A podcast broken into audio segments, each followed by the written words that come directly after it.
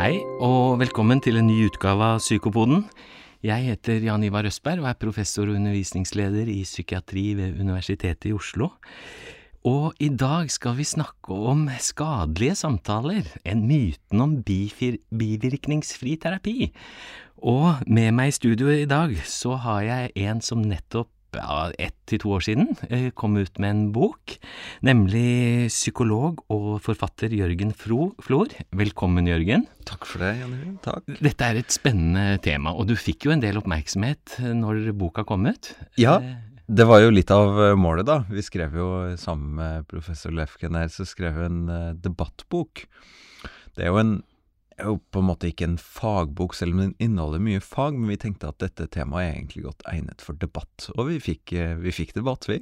Så Mm. det, det var en del reaksjoner. Ja, ja, det, ja, det var ganske mange reaksjoner på sosiale medier og i Aftenposten og forskjellige ting.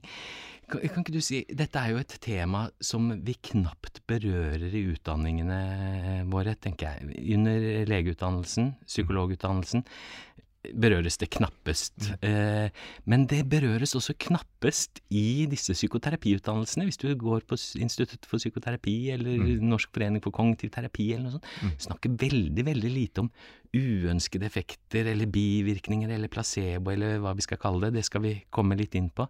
Men kan ikke du fortelle din, din vei inn her, i Jo. dette feltet? Og det var, det var litt sånn inspirert av det du sier der, at man snakket ikke så mye om det, fordi på, som, som student på psykologstudiet i Trondheim, så, så fikk vi jo veldig mange gode eksempler på hvordan terapi bør se ut, eller hvordan terapi gjøres best. Altså vi fikk se videoer av flotte terapeuter som gjorde så mye bra, og vi fikk lære hvordan gjøre det. Og så var det ikke så mange som snakka om ja, men kan man ikke gjøre feil, da? Kan man ikke trå trå feil, eller eh, funker dette alltid, eller Så jeg begynte å Jeg er litt sånn kritisk anlagt, tror jeg, men når jeg begynte å tenke på disse tingene Og så var det litt tilfeldigheter, for jeg hørte en et, et, Helge Holgersen, som holder til i Bergen, som også hadde forsket litt på dette. Han hadde et seminar som jeg var på, eh, og det ga næring til, til ja, dette, hva, hva er det som ligger her? Er det noen som kan bli dårligere av terapi? Kan man som terapeut gjøre feil? Hva skjer da? Eh, sånne ting. Og det endte opp med en, med en hovedoppgave på NTNU, sammen med Leif Kenner, da, som skrev denne boken her sammen med meg, hvor jeg intervjua et utvalg av psykologer. Kvalitativ studie, og så spurte jeg de litt hva de tenkte om dette. Tenker de at pasienter kan bli dårligere i terapi? Tenker de at det skjer ofte? Hva, hvordan forstår de forskningen på det her? Og, og da fikk jeg jo egentlig bare mer vann på mølla, da, fordi det er jo smarte folk. Så de sier jo selvfølgelig at øh, jo, det er jo en mulighet for det. Folk kan jo bli dårligere. Det er jo ikke, alle, alle blir jo ikke bra. Det, det, det var alle enige om.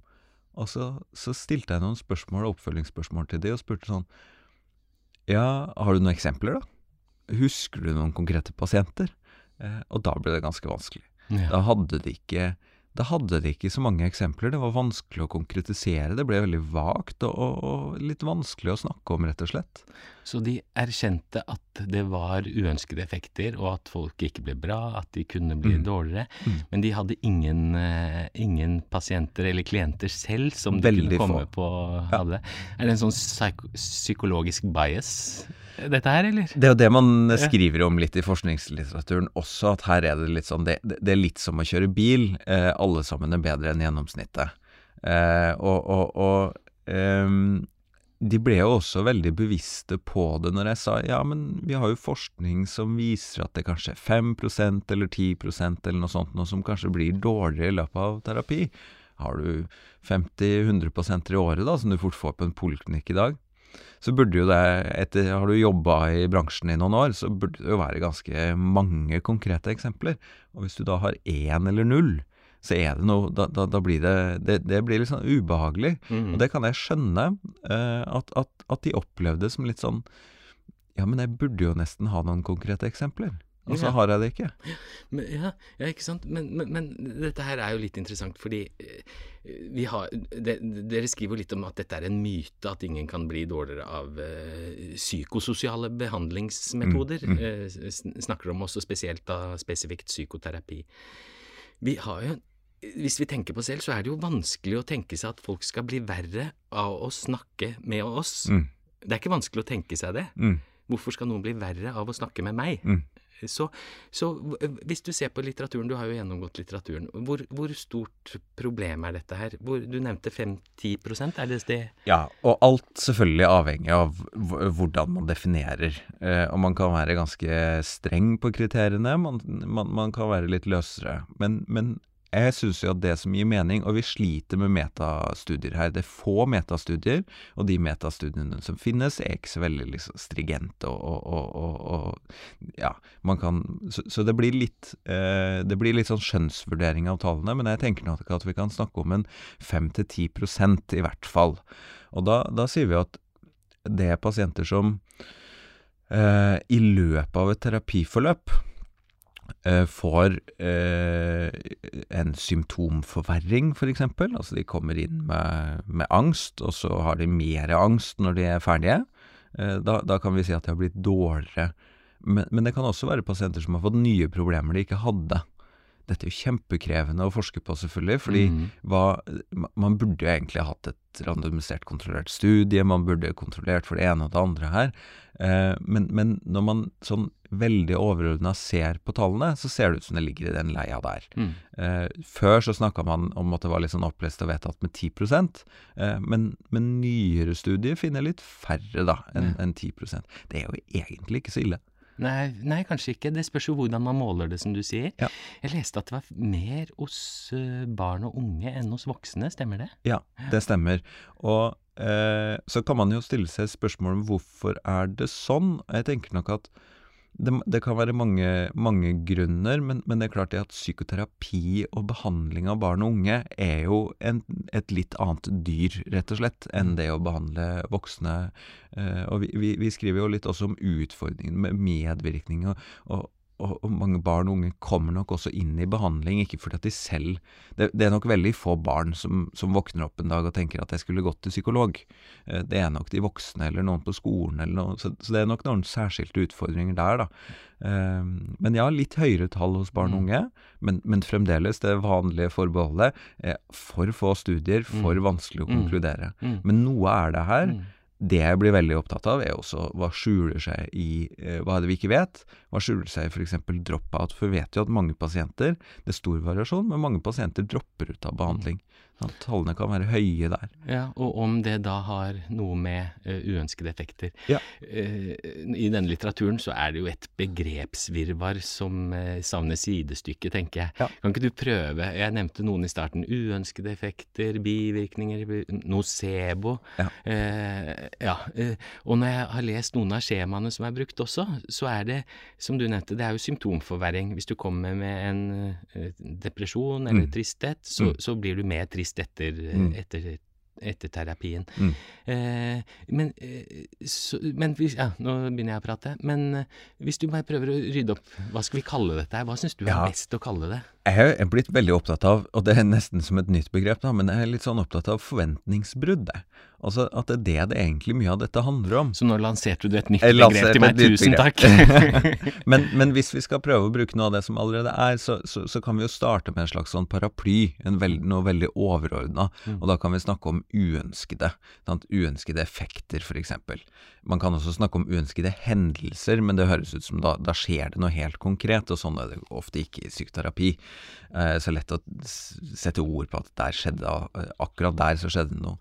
Så uønskede effekter kunne jo vært Eh, det, det kunne favna veldig bredt, og det ville vi jo forvente at det var relativt mye av. Men så kan vi også snakke om at noe er negativt, og vi kan snakke om at noe er skadelig. Jeg tenker at når vi, vi har kalt boken vår 'Skadelige samtaler', så vi har vært veldig, eh, veldig sånn breiale i Ja, begrepsbruken. Fordi med skadelig så syns jeg at da må vi være ganske sikre på at det er noe som eh, forårsaker en skade. Altså vi må både vite at det er en skade. Det er jo ikke sikkert en, noe uønsket kan jo være Jeg kan jo oppleve noe kjipt i løpet av terapi. Eh, men et år etter terapien så, så er det ikke et problem for meg, og jeg fikk noe bra ut av det isteden. Da, da, da kan det ha vært uønsket, men det er jo ikke skadelig, og det er kanskje ikke negativt engang. Eh, sånn at vi, vi, vi trenger et paraplybegrep først, og så trenger vi å undersøke det. Så hvis, hvis vi på et eller annet vis klarer å finne ut at pasienter opplever noe uønsket, så må vi prøve å bore i det og finne ut hva det er for noe. Og da tror jeg vi i mange tilfeller vil finne ut at det kan vi reparere, justere, forstå, eh, putte inn i kontekst. Det var kanskje en misforståelse, eller du trodde at det var noe, terapi var noe annet enn det det er. Og så kan vi rydde opp i dette sammen. Og så har vi nok noen da som vil oppleve terapi som skadelig. Og, og da bare for å gjenta det, da, da må vi være ganske strenge, Mm. tenker jeg. For da, da handler det om at da vet vi ganske sikkert at det er terapien som er skyld i at pasienten har fått en skade. Mm. Der tror jeg ikke har mange Der, der tror jeg ikke det er mange prosent det er snakk om. En års, årsak-virkningseffekt der. Nettopp. At noe terapeuten sier har en direkte skade Ja. på, på Ja. Der er det få studier, tenker du. Der er det få studier. Eh, Hvorfor tror du det er gjort så lite på dette? For dette er jo kjent ganske langt tilbake. Altså, Mm. jeg tenker Selv Freud sa at visse pasienter ikke skulle ha psykoterapi. Mm. Eh, det var ikke noe vits i, det hjalp ikke, det gjorde det eh, Mm. kunne bli verre. Nei, det, det er et veldig godt spørsmål, og det er jo litt rart, fordi at det er på Hvis vi gjør det veldig enkelt, da, så er det jo egentlig bare å bytte fortegn. Mhm. Vi måler jo positiv effekt, Mhm. så vi kunne jo målt negativ effekt, og det gjør vi på et vis også, men så, så, så skjer det noe. Det blir ikke nødvendigvis rapportert i, i studier, det blir ikke nødvendigvis Det er veldig vanskelig å gjøre oppsummeringer av disse studiene. Eh, begrepsvirvaret har vi jo egentlig på positive effekter også. Det, alt dette da har, har gjort at eh, at, at noen psykoterapiforskere, og jeg tror jeg støtter i hvert fall litt av det, eh, har spurt om er det en vegring her. Tør vi ikke å snakke om dette? Har vi vært så opptatt av å demonstrere at psykoterapi og, og, og psykologiske behandlinger fungerer, at vi har vært litt sånn nervøse for å ta i hva det Og, og, realiteten er at det ofte er kanskje bare halvparten av pasientene som blir noe bedre, da. Så, så, så, så det er jo et stort tema som de aller fleste vil anerkjenne at fins, men, men så skjer det noe i at man forsker ikke eksplisitt på det, eller få gjøre det. Um, jeg tenker at vi, vi skriver jo litt om, om, om uh, hvordan man regulerer legemiddelforskning og, mm. og legemiddelstudier, som er noe helt annet. Uh, vi kunne jo rett og slett, tenker jeg, krevd at man rapporterer negative effekter i en psykoterapistudie. Ja, at man hadde et, eh, en rapporteringsplikt når man startet en eh, psykoterapistudie Ja. om negative effekter. Ja. Ikke sant? Ikke bare om de som blir verre. Men, men jeg tenker, når du ser på disse legemiddelstudiene da, og den placebo-gruppen, den som bare får sukkerpiller for eksempel, Mm. der vil du jo også ha Vil du ikke der også ha 5-10 som får eh, negative effekter, eller Jo. uønskede effekter? Jo. Bare ja, litt hodepine, svimmelhet, kvalme Absolutt. er jo veldig hyppig i vanlig. Og Mm. en av de, en av de metastudiene som er gjort, har jo Pim Kuipers, eh, depresjonsforskeren, gjort. Og det, han har en sånn fin, eh, litt sånn avvæpnende, eh, fin pedagogikk, eh, hvor han sier at ja, eh, folk blir verre i, i terapi, men risikoen for å bli verre, den er større hvis du ikke går i terapi. Ikke sant? Og der er jo hele det poenget, Mm. at eh, selvfølgelig, folk blir jo dårligere uansett. Mm. Eh, det som er vanskelig å vite, er hva de blir dårligere Mm. av. Mm. Eh, og de blir dårligere av å ikke gå i terapi, Mm. eh, i større grad enn de blir dårligere av å gå i terapi. Mm, ikke sant? Det er veldig viktig Det er veldig viktig Det må lytterne få med seg. veldig go go godt sammenfattet. Eh, dette med mm, eh, du, du nevnte dette med nå kom jeg jo helt ut av det. Eh, jo, har du noen sånn konkrete eh, eh, psykoterapier hvor det, hvor det har blitt verre, på en måte? Har du, er det, u, u, er det fors forskjeller mellom ulike psykoterapeutiske former? Vi har Mm. jo 500 ulike psykoterapiformer.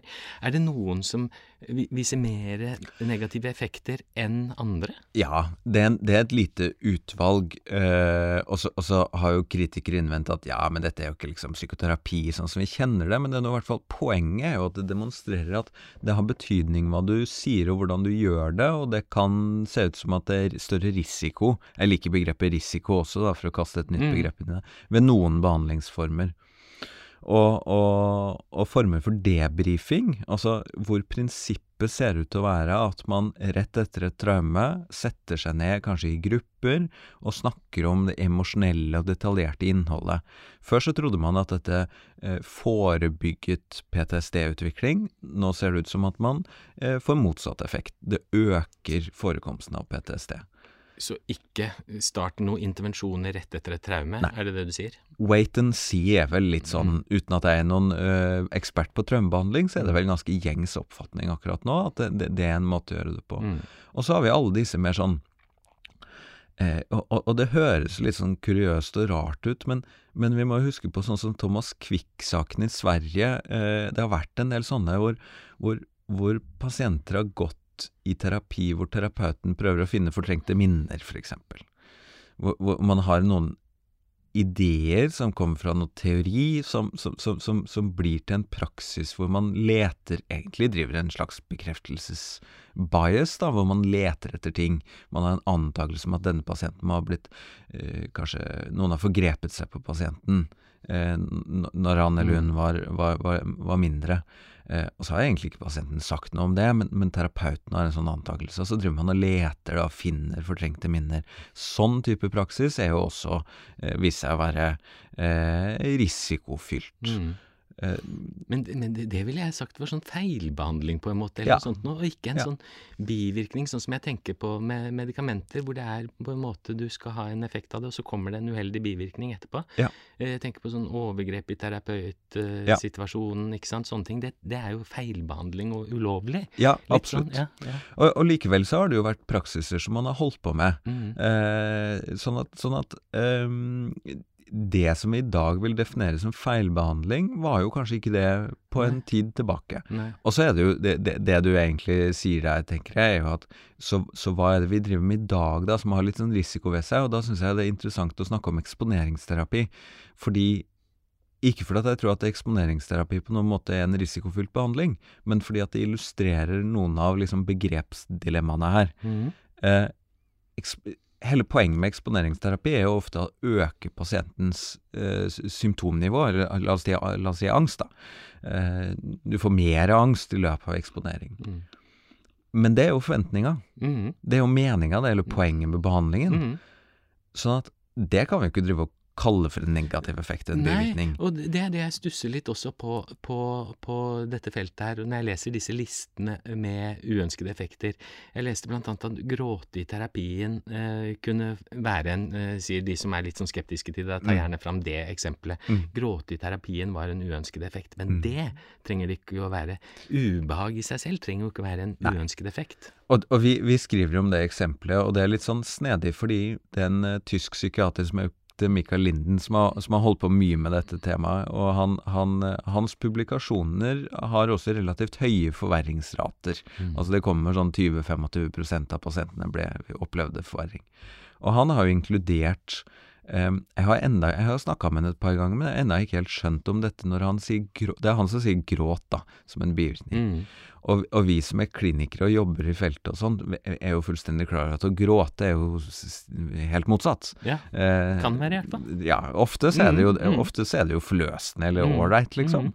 Og veldig rart å definere som en bivirkning. Det, det jeg tror, hvis vi legger godvilja til, er poenget hans, er at hvis vi hadde klart å lage en behandling, og han mener jo det på en måte skal være målet, som ikke har noe ubehag ved seg, Mm. Altså, tilbake til eksponeringsterapieksempelet. La oss si at vi klarte å behandle pasienter uten at de måtte oppleve ubehaget ved en eksponering. Altså, de kunne bli kvitt angsten og fobien sin, for eksempel, uten at vi måtte eksponere for det, uten at de hadde det ubehagelig. Mm. Eh, så ville jo det vært å foretrekke foran en behandling hvor det eh, er ubehag involvert. Mm. Og så vet jo vi at i dag så er jo det svært god behandling, Mm. og at ubehag er en del av gamet, og veldig, veldig ofte så er det nødvendig, tenker vi, i Mm. terapi, at pasienten må ha det ubehagelig. Jeg syns forresten ubehagelig er et ganske ålreit begrep. Mm. Vi skal tåle ubehag, det er noe annet enn det vi snakker om her, som er uønsket. Mm. Beha ubehaget er på en måte ønsket. Ja, er, nå nevnte du jo det, blant annet Thomas Quick, og gikk der til hva som er ubehag og gråt, og hva som egentlig er bivirkninger. Mm. Ja, når jeg har hatt pasienter, ofte pasienter med schizofreni, psykose, Mm. så, så har jeg også merket hvis vi har hatt fokus på stemmer eller vrangforestillinger og sånne ting, så kan det i de timene etter hvor vi begynner å grave litt, fokusere på det og sånn, Mm. øke i styrke et, et par ganger, og så forsvinner det igjen også. Mm. Hva tenker du om det? Altså, for det, jeg syns det er helt naturlig Ja. del av det. Det er sikkert mer ubehagelig, så jeg sier det til, til eh, Nettopp. de her, at nå, nå, nå har vi fokus på dette her. Nå kan du få, få, få, kanskje merke mer av det en Mm. periode. Og, og det du gjør der når du sier det til pasienten, Mm. det tenker jeg er helt, det er helt Mm. avgjørende. Fordi da, da, Det er mange begreper i, para, i, i paraplyen her, men da har du jo sammen med pasienten etablert en forventning. Mm. En forventningsavklaring. Mhm. Ubehaget kommer, det er en del av gamet. Mhm. Du, og, og her vil jo forskjellige terapiskoler og terapeuter ha forskjellige tilnærminger, men alle vil jo på forhånd tenke at For å si det sånn, da. Noen av psykologene jeg har snakket med som er kritiske til dette perspektivet, egentlig, de sier nei, de blir ikke, de, blir ikke dårligere, de bare føler seg dårligere. Mm. Da er svaret mitt ja, det er greit, det, hvis du tenker at eh, vanskelige følelser kommer, eller ubehag kommer. Da kan dere snakke om det på forhånd. Mm. Og da plutselig, rent sånn begrepsmessig, mm. så forandrer ubehaget seg fra å være en uønsket, plutselig Mhm. greie, til å bli en forventa del av terapien. Mhm. Og hvis du sier det, mm. så har du egentlig Og det er det, jeg tenker vi må, vi må sørge for, da, vi, Mhm. for det vi risikerer, er jo at eh, schizofrenipasienten din, eller angstpasienten min, eller som, som plutselig opplever et ubehag som kan være veldig dramatisk for pasienten, eh, som ikke er forberedt på det. De kan jo plutselig slutte i Mhm. terapien, de kan plutselig eh, bli liksom selvmordsnære eller begynne å Mhm. skade De kan finne på mye rart mm. hvis de ikke er forberedt eller klarer at dette er en del av greia. Mm. Så her tenker jeg vi har et, liksom- det nesten, blir nesten etikk, ikke Ja, sant. ja. Eh, og, og da er det ikke lenger en Da er det ikke lenger sånn at vi kan si ja, nei, de, de blir ikke verre, de bare føler seg mm. verre. Mm. Uh, nei, de blir ikke verre i det hele tatt, fordi Mm. dere har snakket om at dette er en del av jobben. Det er en del av hele systemet. Det andre jeg også tenker på, er jo at uh, i, I terapien så er det jo, iallfall i kognitiv terapi som jeg driver mest med, så er det jo en sånn klar uh, struktur i timen at jeg etter, når vi nærmer oss slutten, så spør jeg du, hvordan var dette her for deg? Mm. Var det noe som funka, hva var det som ikke funka? Mm.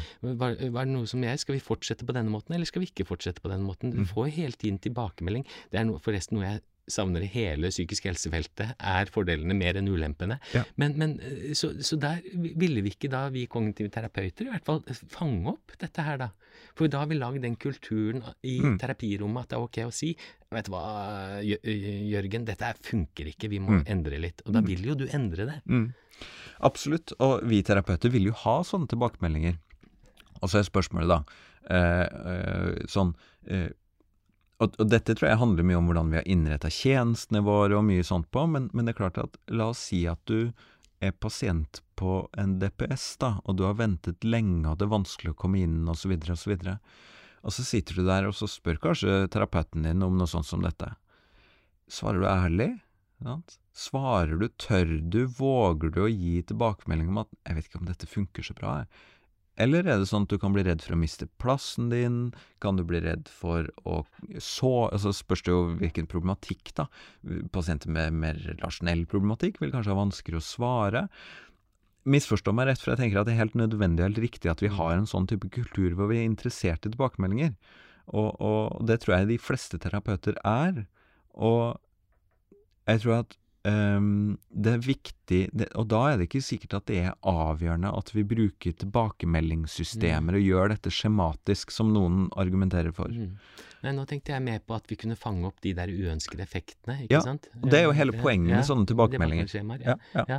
Eh, For jeg tenker at vi som terapeuter har som oppgave å lage den kulturen, og lage rom for det, og gjøre at Vet du hva, dette er helt naturlig. At Mm. Noen ting av dette her Hvis jeg bruker ABC-modellen, så funker ikke den på meg. Det vil jeg høre, Mm. ikke sant? Sånn at vi ikke, ikke, du, ikke du kaster bort tida di når du er her. Ja, Mm. og, og ikke minst sånn at pasienter ikke slutter i terapi eller går fra terapi og har en opplevelse av at det var de som gjorde noe feil, eller at det er noe feil med dem. Mm. Det er jo gjerne det ofte pasienter kommer inn til oss med, og jeg tror at vi risikerer at med nå, nå, blir det nesten litt sånn politiske her, da, men jeg tror at det er høye forventninger til eh, psykoterapi og til behandling i dag. Eh, og det tror jeg har vært veldig positiv utvikling, men det betyr nok også at folk kommer til behandling med en slags jeg, jeg, tviler på at folk ville sagt ja, jeg tror det er 50-50 om terapien hjelper meg. Mm. Jeg tror ikke de ville sagt det. Jeg tror de Mm. ville sagt at det er ganske stor sannsynlighet for at dette kommer til å fikse alle mine problemer. Dette er jo kjempeinteressant.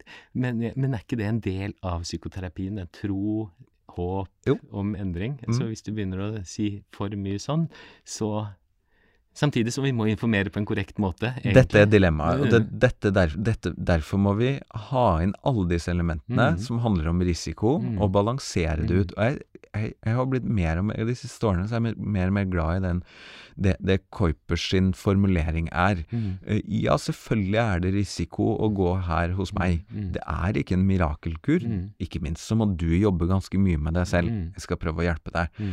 Eh, men det er en risiko for at vi ikke får det til, og at det ikke går. Da må vi prøve å snakke om det. Men risikoen er større hvis du ikke kommer. Mm. Risikoen er større hvis du dropper ut. Risikoen er større hvis du ikke Mm. kommer til behandling i det hele tatt. Mm. Og det syns jeg er en god pedagogikk, og, og sånn må vi øve oss på å Mm. snakke med pasientene, tror jeg. Du, du nevnte eh, at eh, folk gikk i terapi og har forventninger til det og alt sammen, og at vi kanskje har hypet opp eh, effekten av Mm. psykoterapi i befolkningen. Mm. Du nevnte terapeutisk kultur i boka di. Det syns jeg er et interessant begrep. Kan ikke Mm. du fortelle litt? For det, det er jo et som kommer mer og mer nå. Lager vi en sånn terapeutisk kultur i samfunnet hvor enhver skal ha sin egen terapeut? Ikke og da blir jo dette enda viktigere med disse uønskede effektene. Ja, og, og, og, og rett og slett sånn statistisk, da. Det vet jo mange nå når vi snakker om vaksiner og sånn. Altså kjører du veldig store eh, mengder mennesker gjennom noe, så blåser du jo opp også de negative effektene. Uh, sånn at eh, jeg, jeg tror det er litt viktig at vi jobber med normalisering og, og sørger for det, det er nesten kontroversielt, vet du, men, men jeg tenker at man, man, man skal jo ha litt avslagsprosenter. Alle skal ikke få behandling, eh, fordi eh, veldig mye kan løses utenfor et psykolog- eller psykiaterkontor, rett og slett. Mm. Eh, sånn at og, ved, og kanskje ved å snakke litt om risiko, eller forstå litt mer om risiko ved behandling, så kan vi kanskje bli bedre til å velge ut hvem som skal få behandling når. Mm. Det er noe med timing her også. Mm. Eh, så altså, professor Olukop Madsen har jo snakket mye om dette med terapeutisk kultur, Mm. og, og en sånn slags individualisering, eh, overdreven individualisering av, av psykiske problemer. Mm. Der, Der, der tror jeg det er mye godt, Mm. og så mye kan også gjøres eh, på andre arenaer Mm. enn en i et terapirom. da. Ja, jeg har jo en kollega, Pål Steiner, som er eh, førsteamanuensis Mm. i barne- og ungdomspsykiatri. Han fortalte meg en del at kanskje vi nå begynner å endre litt sånn der Kom til oss, vi kan, eh, vi kan hjelpe, vi kan hjelpe oss. En, Til den der litt mer sånn Hallo, dette her må vi faktisk eh, Dette trenger ikke profesjonell Mm. hjelp. Dette er faktisk noe man må klare selv, på en Ja, måte. ja. Eh.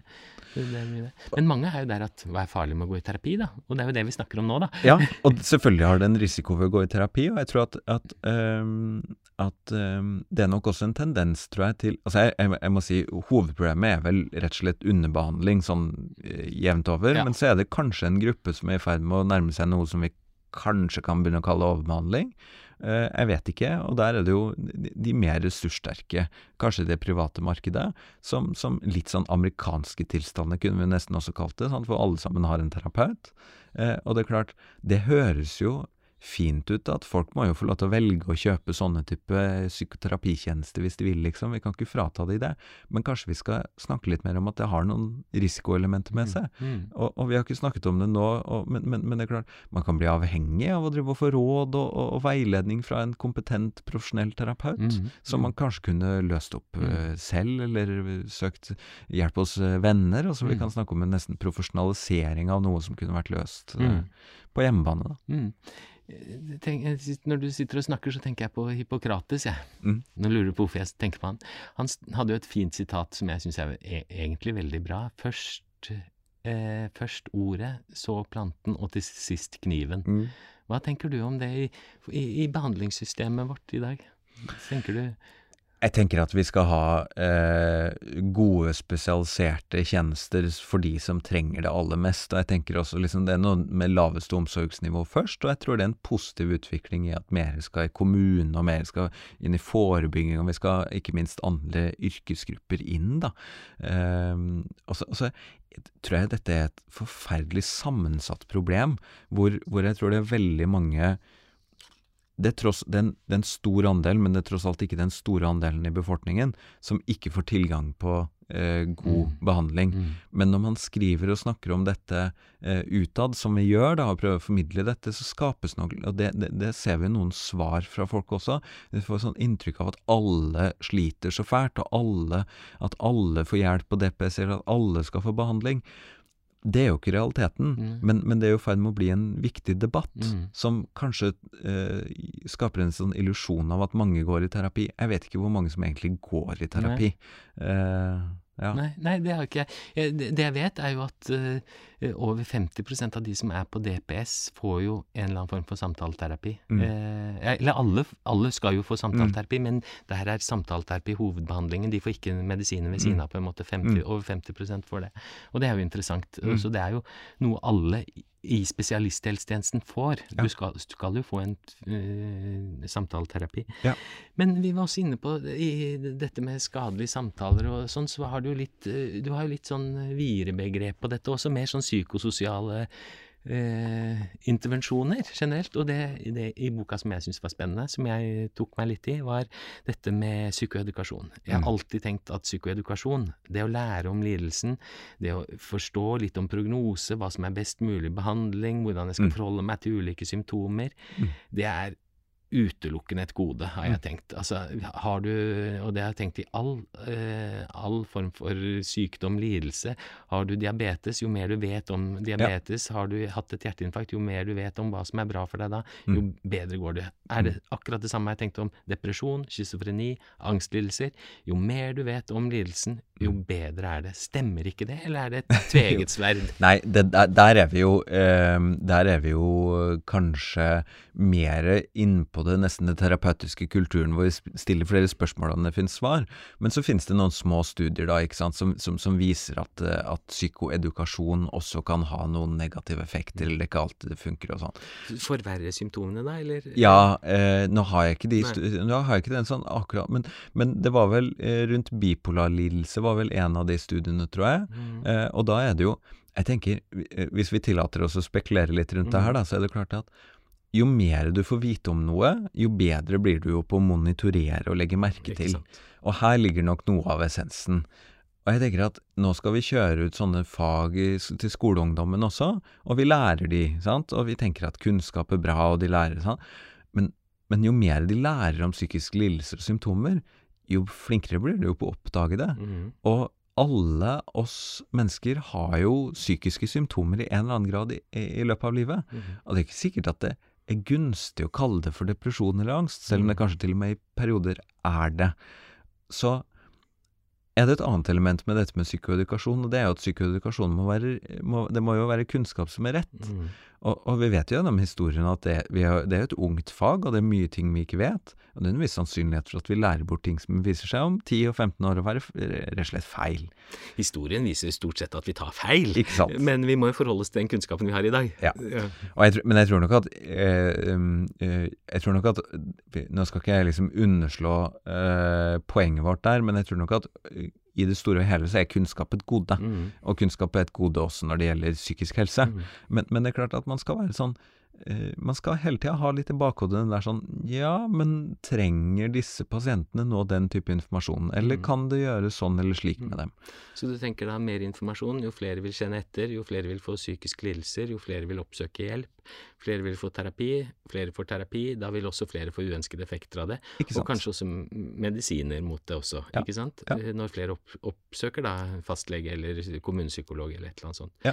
Eh, Det er jo interessant egentlig, for når du fikk den fraværsreformen på videregående skole, mm. så måtte jo disse elevene, de måtte jo til fastlegen sin for å få, Mhm. eh, få en sykemelding. Mm. Og da økte jo også samtidig antibiotikabruken. Og det er jo en del Det er litt av det samme, tenker jeg. Ja, det er litt av det samme. Mm. Og jeg tenker at eh, det kan godt være at vi på en måte at the end of the day sier at selvfølgelig skal vi ta den risikoen. Mm. Mm. Det tror jeg er et sånn hovedpoeng vi har. At risikoen fins, den er større eller mindre, men, men vi skal være klar over den. Mm. Sånn at det er mer et sånn Selvfølgelig skal vi fortsette å gi psykoedukasjon. Mm. Eh, og selvfølgelig skal vi fortsette å gi informasjon og kunnskap om psykiske lidelser. Og Mm. selvfølgelig skal elever i, i skolen lære om dette. Mm. Men, men, men vi må hele tiden ha på en liten sånn Det er en litt sånn forsiktig brems, da.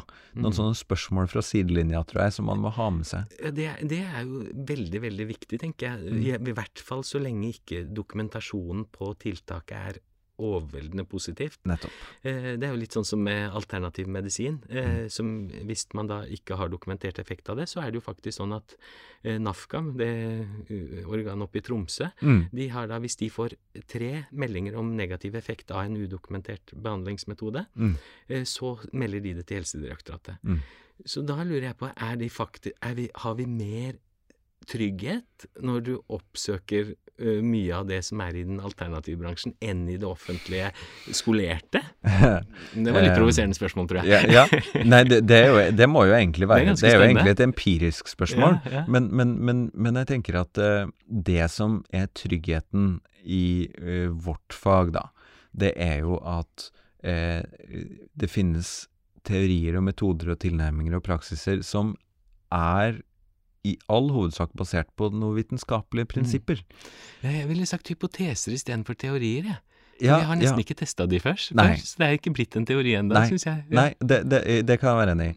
Og, men, men uansett så skal og, og det vet vi jo at det er jo, i hvert fall psykoterapifeltet, så er jo det noen, noen av ingrediensene som må være der. Det Mm. må være et rasjonale, et opplegg som gir mening. Altså Det handler ikke om krystaller eller horoskoper. Eh, og, og, og så er det klart at det som skal skille oss, og der tror jeg, det, det er jo budskapet vårt at der må vi ta litt mer ansvar, tror jeg. Det som skal skille oss fra eh, ikke-helsepersonell, er at vi, vi må være klar over risiko. Vi må være interessert i risiko. Vi må formidle og informere om risiko. Eh, det, sånn, det skal ikke være risikofritt å gå til sånne som oss, men, men, men vi skal være klar over risikoen. Mm. Uh, I motsetning til kanskje da en Og ikke noe vondt om en coach, det kan være nyttig det, men, men, men, men de, de har ikke de samme kravene, Mm. verken etisk eller juridisk, til å Mm. være, være, være, ha oversikt. Så hvis det, det er en slags sånn en, Jeg tror ingenting på nullvisjon her. Eh, for da blir vi for forsiktige. Hvis vi skal sitte der og jeg f- f- spissformulere det. Hvis pasienten aldri skal gråte fordi det er ubehagelig, så blir det jo bare Da blir det fjottete behandling. Eh, men, men, men vi skal være klar over risiko, og vi skal formidle det. Mm. Mm. Mm. Vik, viktig, altså.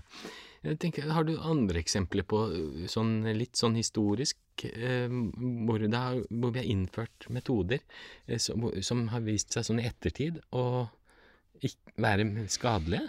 Mm.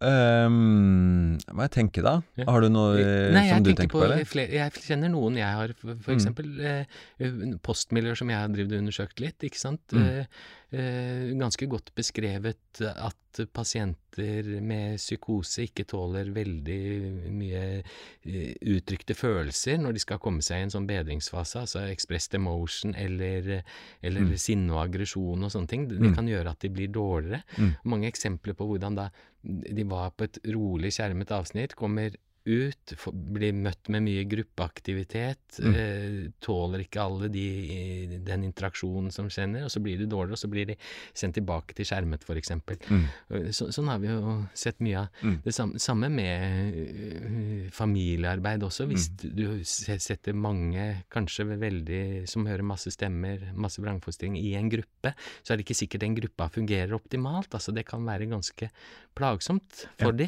Det Ja. er vel uh, litt sånn oppsummering av, Ja. av feltet akkurat der, i hvert fall. Ja, og vi, vi vet jo at uh, når, uh, flere av de der handler om liksom interaksjoner med andre, Mm, da. Og jeg mm. tenker på grupper, ikke sant. Mm. At, at um, um, Det finnes jo eksempler på at grupperer du feil uh, grupperer du, og, og dette er ikke en sånn generell regel, men, men grupperer du eh, pasienter med spiseforstyrrelser Mm. sammen, så har det en risiko i seg. Grupperer du ungdom som har gjort eh, mye antisosialt, så får vi samme effekt som vi kan få i fengsler, at de lærer av hverandre. Altså, eh, jeg tror vi skriver om at symptomer smitter, Mm. eh, som, som høres eh, Mm. eh, veldig rart ut. Eh, når vi snakker nå for tiden mye om smitte, så er det en annen type smitte. Altså, vi påvirker hverandre, det er jo det som er poenget. Mm. Så man skal være smart og klok når man driver og flytter psykisk syke mennesker rundt omkring i forskjellige arenaer og, Mm. og gruppemiljøer. Mm. Mm. Mm.